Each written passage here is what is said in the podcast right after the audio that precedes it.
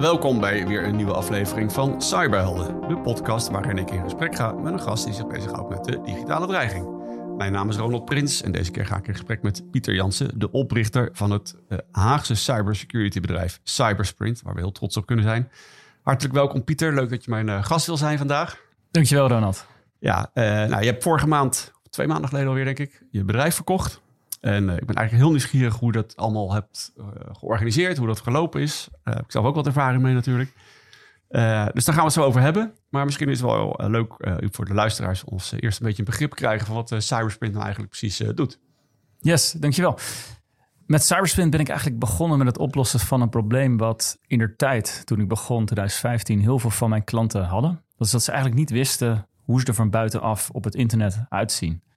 Er was zoveel IT gebouwd in de loop der jaren, zeker organisaties al vrij vroeg verbonden waren met het internet die weten gewoon niet wat er nog te vinden is van hen, wat van hen is, waar data in zit. Ja, en andere dingen dan gewoon een website of zo, bedoel je dan? Ja, websites, apparaten, denk aan printers of misschien zelfs OT-apparatuur. Dat was heel handig op het internet aangesloten. Dan kon je er makkelijk van op afstand bij. En ja, je kan er van op afstand bij. Ja, dat uh, geeft ook wat uh, extra opties voor hackers. Absoluut. En het, met name het vinden van dat soort zaken die onverwacht zijn.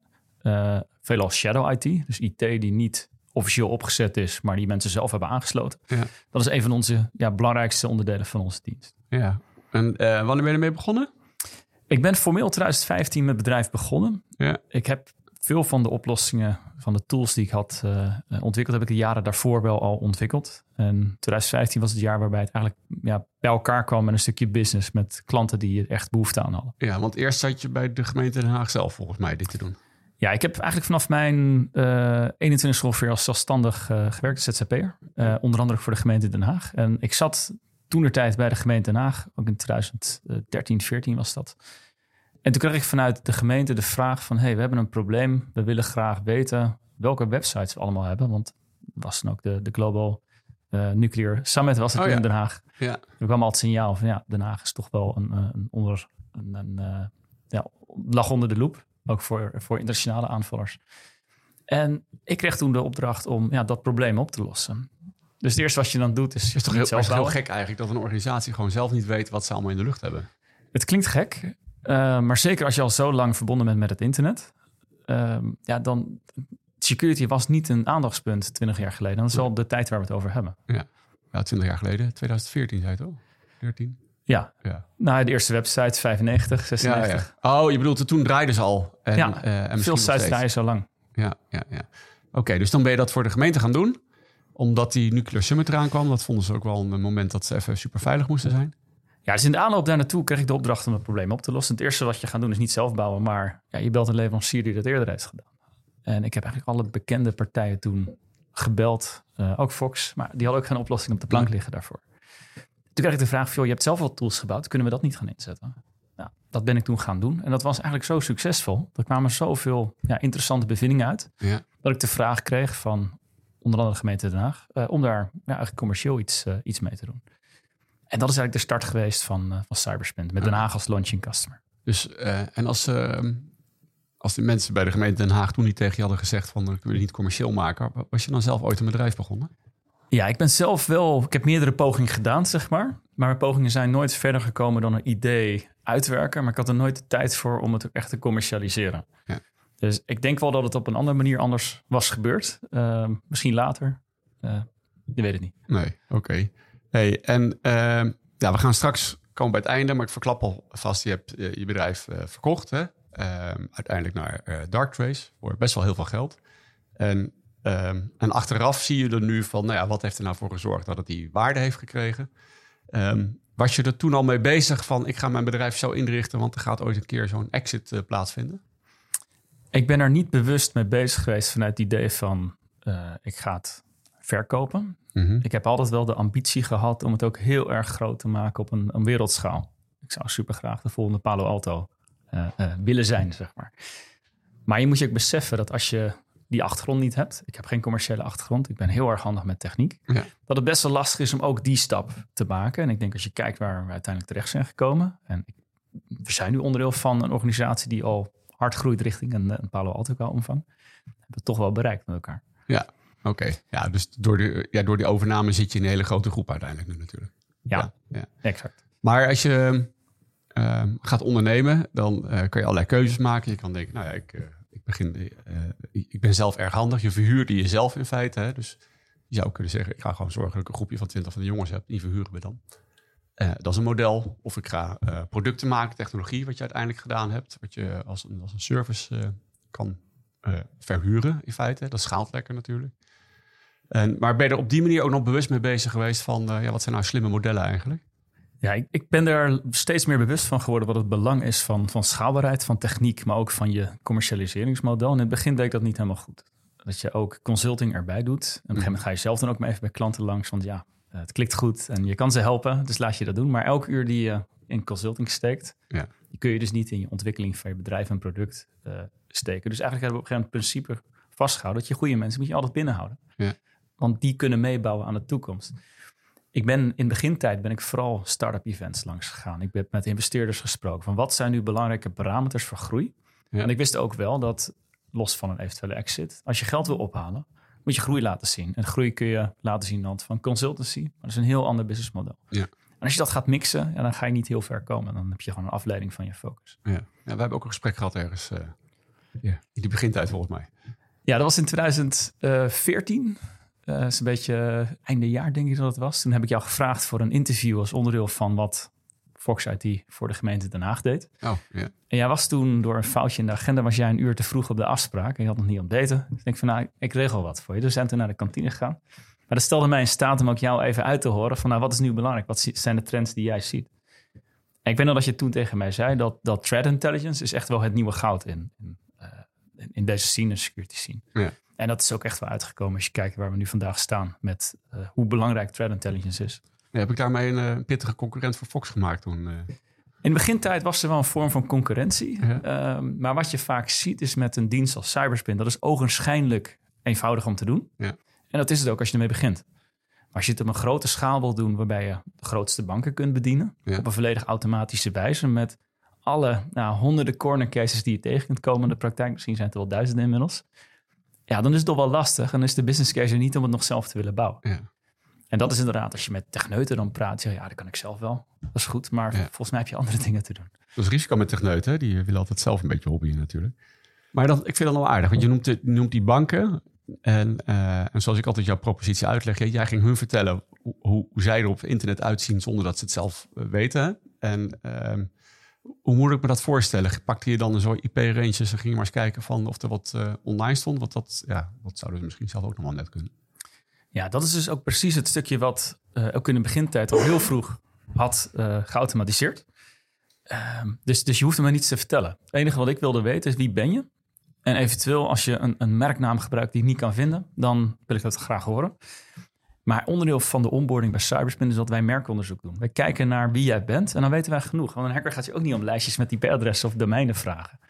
Dus dat stukje hadden we al zo ver geautomatiseerd dat je de meest vage acquisities nog uit het verleden die niet volledig geïntegreerd waren, bleken nog online te staan. Zelfs soms fysieke locaties die opgeheven zouden moeten zijn.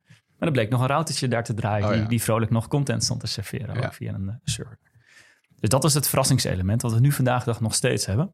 Elke organisatie waar wij nieuw aankloppen, die nog niet eerder naar zichzelf heeft gekeken op deze manier, dan vinden we altijd wel grote verrassingen. En dat is altijd even de balans van hoeveel laat je zien in zo'n eerste ontmoeting. We hebben ervoor gekozen om gewoon full disclosure, alles wat we zien, je krijgt direct een rapportje ervan. Oké, dus je komt altijd binnen met een cadeautje. We brengen altijd wat. Want Ja. we hebben geen toestemming nodig. Het is open source intelligence gebaseerd. Ja. En we hebben geen input nodig. Ja, Dus wij laten altijd, geven we inderdaad een cadeautje. Maar soms leidt dat er dus door dat de meeting afgekapt wordt. Want men moet in instant response modus gaan. echt waar joh? Wij Dat is gelijk van, schrikken? Meestal delen we die dingen vooraf wel eventjes. Van hey, we hebben een meeting staan. We hebben de demo voorbereid. We zien dit. We denken dat je dat nu alvast even moet aanpakken. Zo dan.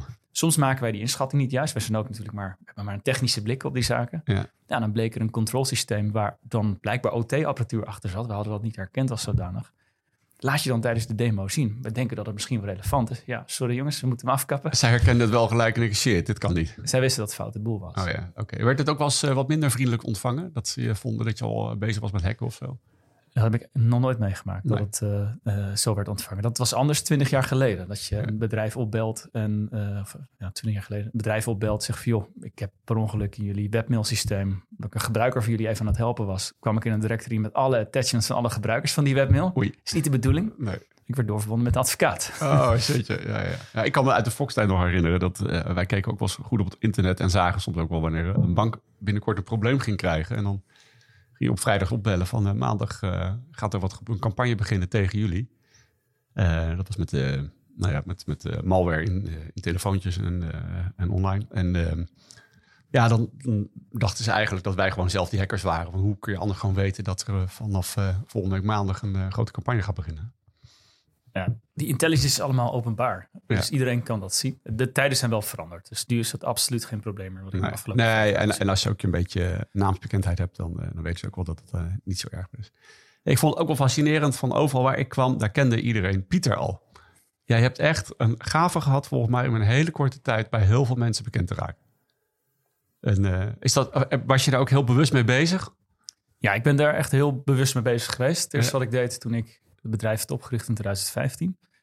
Eh, de week erna, of twee weken daarna, ben ik op een handelsmissie meegegaan eh, met Mark Rutte naar Atlanta en Washington. Waanzinnig. Ehm, Was, het, was moeilijk om dat te regelen? Eh, iedereen kan zich ervoor inschrijven. Ik dacht dat het heel lastig was, maar als je een cybersecurity bedrijf hebt ehm, en, en je wilt iets gaan doen in die markt, natuurlijk is er een, een, een klein stukje controle van ben je wel echt een bedrijf. Ehm, en ik heb mezelf toen volgens mij nog ingeschreven, niet eens met de Cybersprint BV, omdat die nog niet afgerond was, die oprichting, maar met mijn persoonlijke BV. Oké. En werd geaccepteerd. Nou, ik mocht dus mee op die handelsmissie. Maar het gave was dat het was een handelsmissie gericht op eh, cybersecurity en smart logistics. Ik ging cybersecurity deel mee naar Atlanta en Washington. En dan word je in een soort eh, ja, pressure cooker van zondag tot zaterdag. Reis je mee met 80 andere bedrijven onder leiding van eh, Mark Rutte. Ja. En je gaat bij de meest grote organisaties op bezoek. eh, zoals Homeland Security zat op het programma. En het gave van die groep was, het was een mix van, van banken. Bijna alle Nederlandse banken waren daar aanwezig. Mhm. Eh, ook eh, overheidspartijen, eh, andere eh, eh, securitybedrijven. En ik heb in die week heb ik mijn netwerk eigenlijk heel snel opgebouwd. Eh, je, je mist bijna het vliegtuig met iemand. Ja, dat bouwt je wel band Oh, mee op, zeg maar. ja. Dat je toch wel samen eh, jezelf langs TSE weet te praten als je niet te rijden hoeft, dat soort zaken. En tijdens die week heb ik eh, heel veel mensen leren kennen. Wat ik daarna heb gedaan, ik ben met al die mensen ben ik gaan afspreken. Wat ik wel gemerkt heb, is dat eh, iedereen kan dat natuurlijk proberen om aan tafel te komen. Als je commerciële insteek hebt, gaat het helemaal mis. Ja. Dan kom je niet aan tafel. Je moet inhoudelijk wat interessants te vertellen hebben. je moet wat te brengen hebben. En wat Ja. ik tijdens die missie kon doen, ik heb best veel technische kennis, denk ik. Dus ik kon bij al die bezoeken die wij deden bij eh, verschillende paymentbedrijven, de allergrootste wereld die in Atlanta zitten. Ja. Die vertelden allemaal exact hetzelfde verhaal. Maar ik kon precies uitleggen wat ze nu precies anders deden van, van elkaar. Ah, oké. Dat gaat ook voor die security bedrijven. Dus het heeft me geholpen om al wat eh, ja, meer connecties binnen dat netwerk op te bouwen. Ja.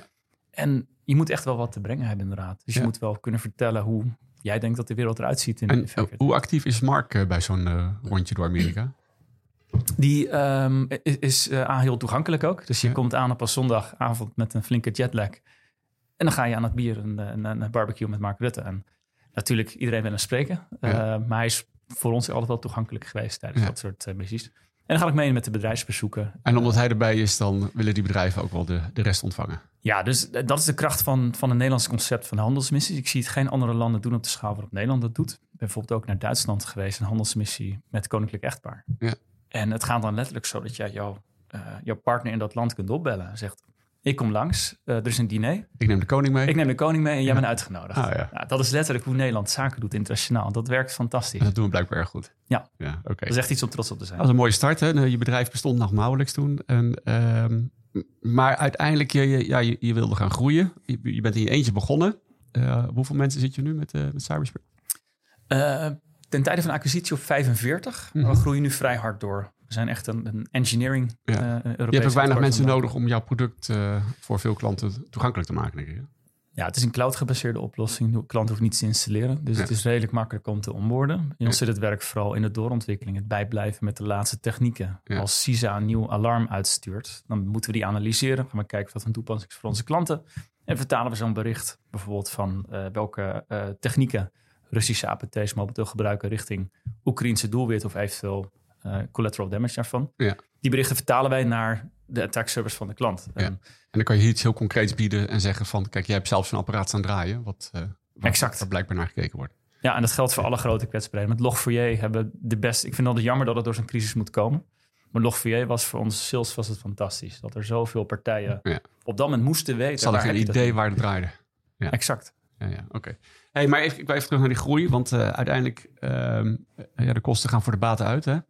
Ehm, je hebt geld opgehaald, eh, denk ik, af Ja. en toe. Ja. Ja, ik heb, ehm, eh, dat is ook allemaal publiek zichtbaar. In eh, maart 2017 hebben we de eerste financieringsronde gedaan met Innovation Quarter. Dat is een overheidsfonds. Ja. Elke provincie in Nederland heeft een eigen fonds. En Innovation Quarter staat voor Zuid-Holland. Ehm 700.000 euro was dat. Dat is dan de helft bij Innovation Quarter. Ze doen alleen maar cofinanciering. Eh, en dan moet je dat andere geld, de andere helft, ergens anders vandaan halen. Nou, ik had dan twee, zoals je het noemt, angel investors in mijn netwerk. Die Ja. eh, geloofden in mij als persoon dat ik dit wel waar kon maken. En die wilden meedoen. En het helpt dan ook dat je in dit geval dan een overheidsfonds hebt. Die ook zegt, wij geloven hier wel in. Ja. Die kunnen natuurlijk niet in de persoon eh, alleen maar Want geloven. die gaan niet alleen maar gewoon meedoen, omdat dat twee anderen ook eh, geld neerleggen. Die hebben echt wel inhoudelijk gekeken van of dit toekomst wat. Ja, zij doen dan het, het due diligence onderzoek in feite. ja. Dus En, ehm, en dat was geld in ruil voor aandelen, ja, geen klopt. Eh, nee, en we Nee. later eh, eh, wel dankzij Rabobank nog goed gebruik van kunnen maken. Bij de start van, van de coronacrisis. Ja. We wisten ook niet wat er op ons af ging komen en we hadden dit nog als optie liggen. Laten we dat maar doen. Ja. En dat kwam, kwam goed van pas. Ja. Heb je momenten gehad dat er bijna geen geld meer op de bank stond? Ja, meestal vlak voordat de nieuwe investeringsronde klaar was. Zeg maar. Ja. Maar dat is het slechtste moment om geld op te halen natuurlijk. Ja, maar zo'n ronde, daar ben je eigenlijk wel een jaar mee bezig in feite. Ja. En dat is echt wel de benefit van, van eh, het hebben van een goede financieel specialist in het bedrijf. Maarten Timmerman, mijn collega, die eh, samen hebben als board gewerkt. Ja. Hij was continu bezig met runway management. ja. Hoeveel maanden kunnen we nog door? Ja. En, en wanneer moet je dus geld gaan ophalen? Nou, met elke klant die je binnenhaalt, verleng je je, je runway. Ja. Maar in feite zie je dus ook dat elke, als je na een investeringsronde eh, nog maanden aan geld overhoudt, ben je niet hard genoeg gegaan. Ja, ja. Dus dat is een spel, dat moet gezond blijven natuurlijk. Dat je dus nooit inderdaad met de rug tegen de muur aanstaat. Ja.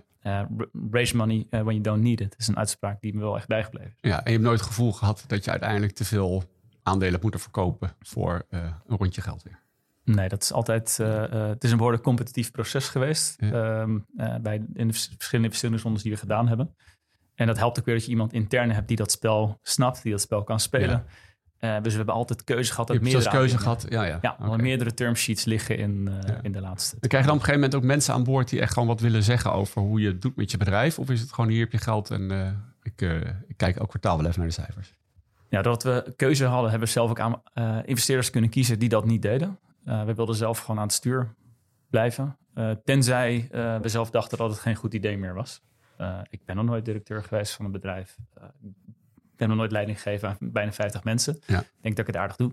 Eh, maar ik zal dat open voor feedback, ook vanuit de investeerder. Als ze denken van nou, misschien is het niet zo'n goed idee meer om dat, eh, dat te blijven doen. Haal Ja. dat gesprek aan. Ja, ja. Eh, maar we hebben nooit dwang gehad of druk vanuit de investeerders. Dat helpt natuurlijk ook als je bijvoorbeeld Innovation Quarter kiest. Die kijken natuurlijk echt wel naar resultaat en kwaliteit. Ja. Maar die gaan niet actief zich bemoeien met de dagelijkse gang van zaken van je bedrijf. Nee.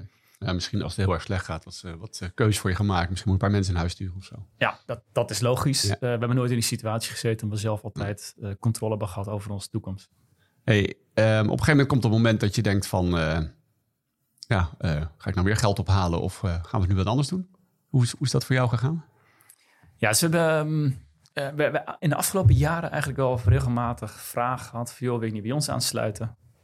Wordt onderdeel van een grote geheel. Kun je zelf harder groeien, meer op techniek richten. Ja, dus dat zijn dan strategische kopers. Ja, zijn strategische kopers die eigenlijk zoiets hebben van, dit is wel heel erg interessant om, eh, om mee te doen. Maar Ja. ik vond het altijd te vroeg, want ik had het idee dat er nog veel meer in het vat zat. Eh, ik wil mezelf goed kunnen richten op de techniek. Eh, het ging goed met, met de verkopen.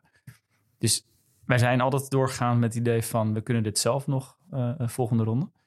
Nou, vorig jaar zaten we eigenlijk midden in het financieringsproces. Maar toen merkte dat om ons heen dat er heel veel strategische overnames werden gedaan van onze directe concurrenten. Mhm. Dus er was Attack Service Management. Dat domein is ontzettend belangrijk geworden vorig jaar dankzij de Amerikaanse overheid. Ja. bijna letterlijk hebben gezegd, je moet het hebben als overheidsorganisatie. Ja. En zoals het al gaat in Amerika, als de overheid daar zegt dat de overheid iets moet doen, volgt de rest automatisch Ja, ook. precies. Ja. Dus die trend zagen we aankomen. Dus een pure focus op dit domein, dat zouden we waarschijnlijk nog wel drie, vier jaar zelfstandig kunnen doen. Maar dan moet je nog wel één keer keihard tegenaan gaan. En dat kan. Dat is Ja. een keuze. Dus we hadden eigenlijk zouden op het punt van we gaan nu aan de slag met een nieuwe eh, investeringsmaatschappij om verder te internationaliseren. Grote ronde. Ja, dan werden we eigenlijk al best veel meer actief benaderd. Er kwam heel veel druk vanuit bankers. Nou, ik eh, heb gezien dat de- we hebben dezelfde banker gehad als die jij bij de Fox IT ja, verkoop hebt gehad. Die weet hoe ze werken. Boston Meridian. Ja, Boston Meridian inderdaad. Ehm, Goeie jongens. Fantastische kerels om mee te werken, maar heel erg Amerikaans. Maar eh, ja, ze noemen zichzelf bankier, maar ze, hebben- ze hebben niks met, eh, met traditionele bankieren te maken. Het zijn meer... eh, Het zijn Makelaars. dealmakers. Het zijn makelaars inderdaad. En die kwamen bij ons op de lijn met ja, toch wel een lijstje namen. Die hebben expliciet gezegd... als jullie een tech service management partij hebben... die open staat voor een strategische stap... ehm, bel ons. Ja, met dat aanbod kwam Boston Meridian bij ons. Toen hadden we eigenlijk zoiets van... Ja, laten we dat toch maar even gaan verkennen. Want misschien zit hier wel een, een ideale kandidaat bij. En er zat dus inderdaad Darktrace bij. ja. Dus je, dus je hebt nooit hun gebeld, ze hebben jou gebeld van... eh, we willen graag je bedrijf verkopen.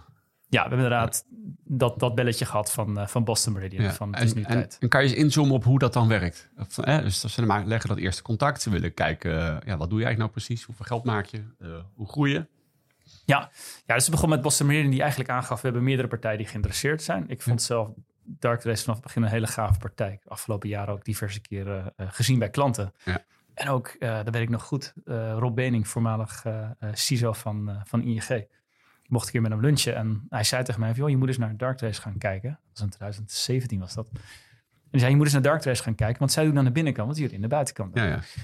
Nou, we zijn toen dat proces ingegaan met Boston Meridian. En, en binnen een, een week hadden we meetings. Alles moest samen, omdat veel Amerikaanse partijen waren. Het is allemaal online, was het, hè? Alles online, Ja. eh, inderdaad. Dat is echt heel bijzonder. Maar ook Boston Meridian eh, niet, niet gezien. Ook, ook Dark Race eh, ook niet gezien voordat de intentie was getekend. Nee. Ja, ik weet nog van mezelf dat weekje. Dat was in in februari ergens in eh, 2015 dan, denk ik.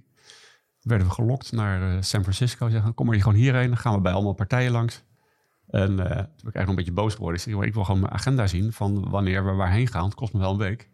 Dat, eh, dat komt wel goed. Ga nou maar, vertrouw me maar. En toen kwam ik eraan.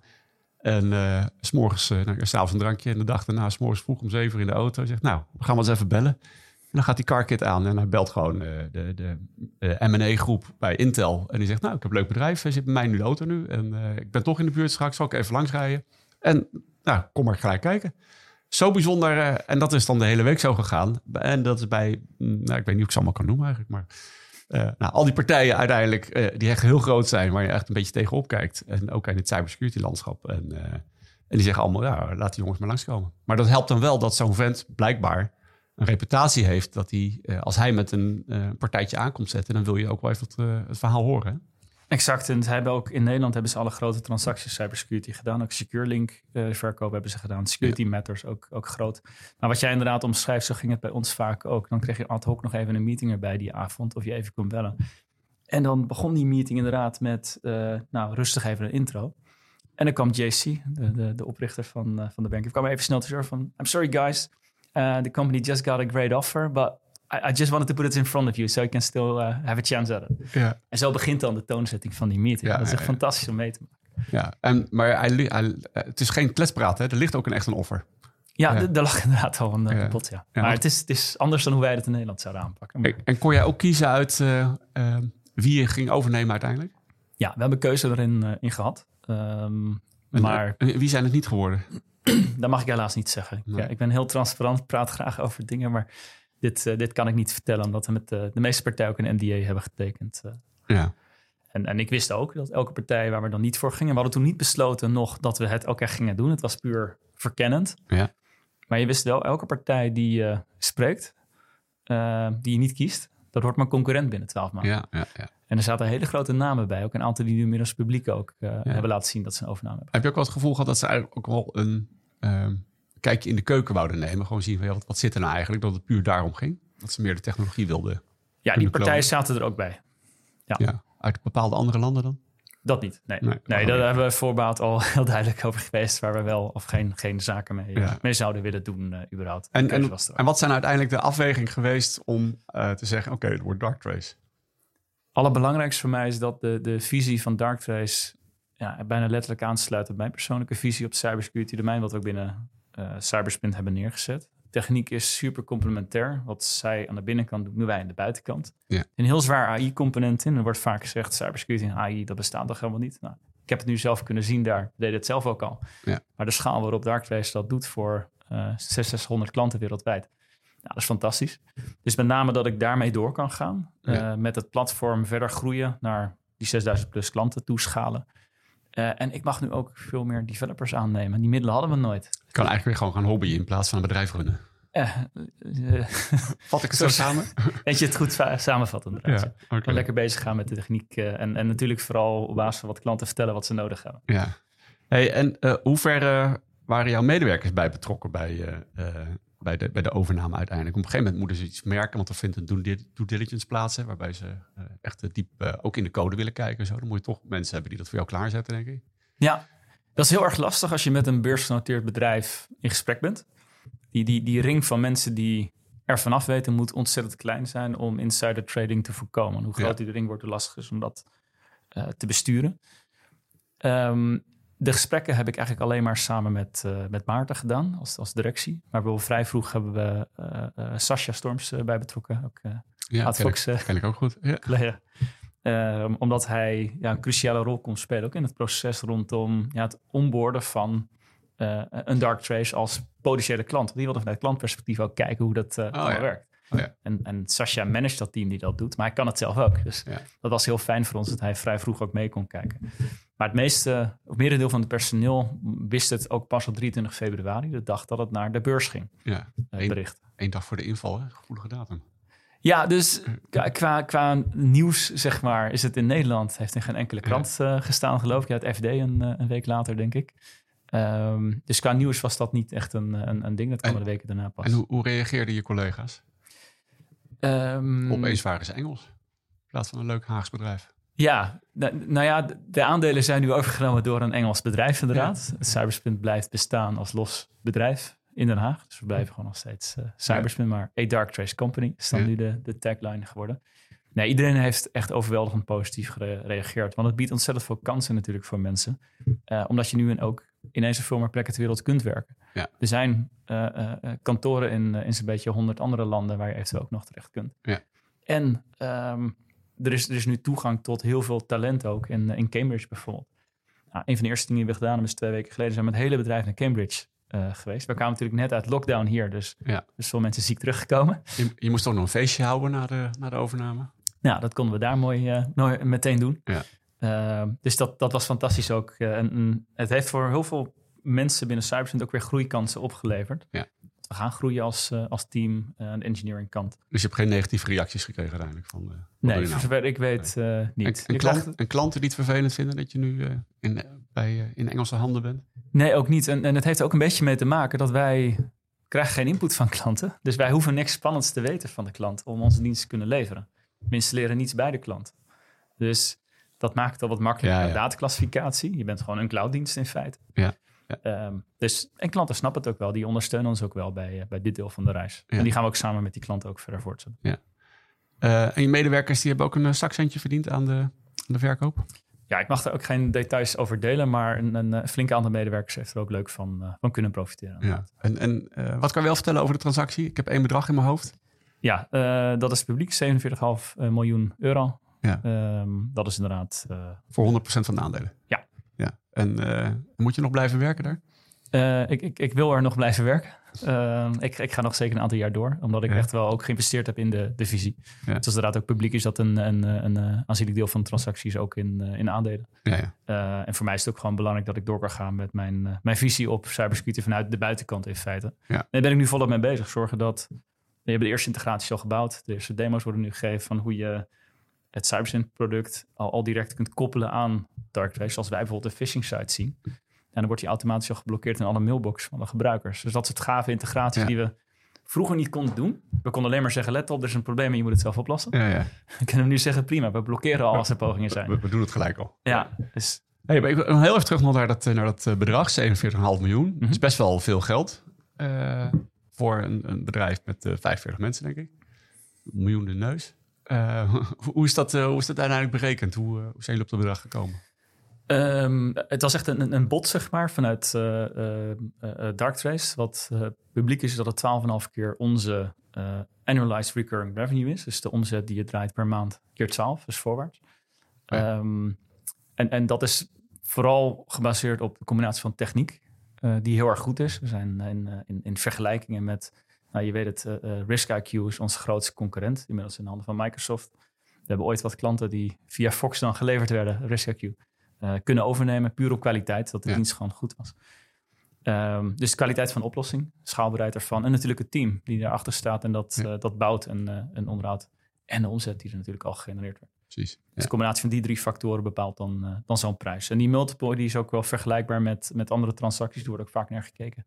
Wat wordt er meer betaald in de markt voor deals? En daarmee wordt de trend ook een beetje bepaalt zichzelf, zeg maar. Ja, en van, en van de andere bedrijven waar je uit kon kiezen, waren er ook hogere bedragen nog?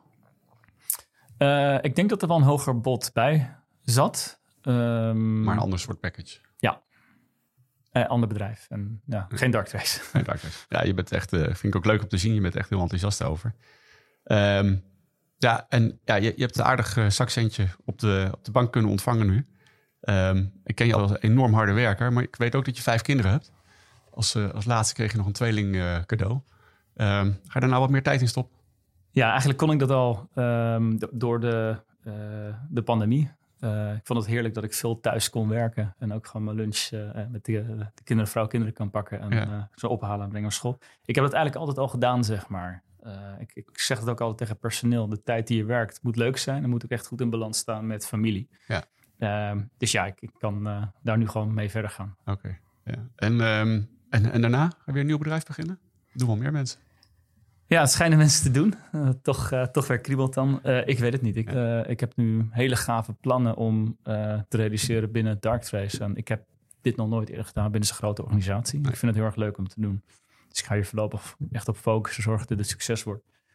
En daarna zien we wel verder. Heel goed, oké. Okay. Dankjewel, Pieter Jansen, oprichter en de verkoper van het prachtige bedrijf Cybersprint. Cybersprint.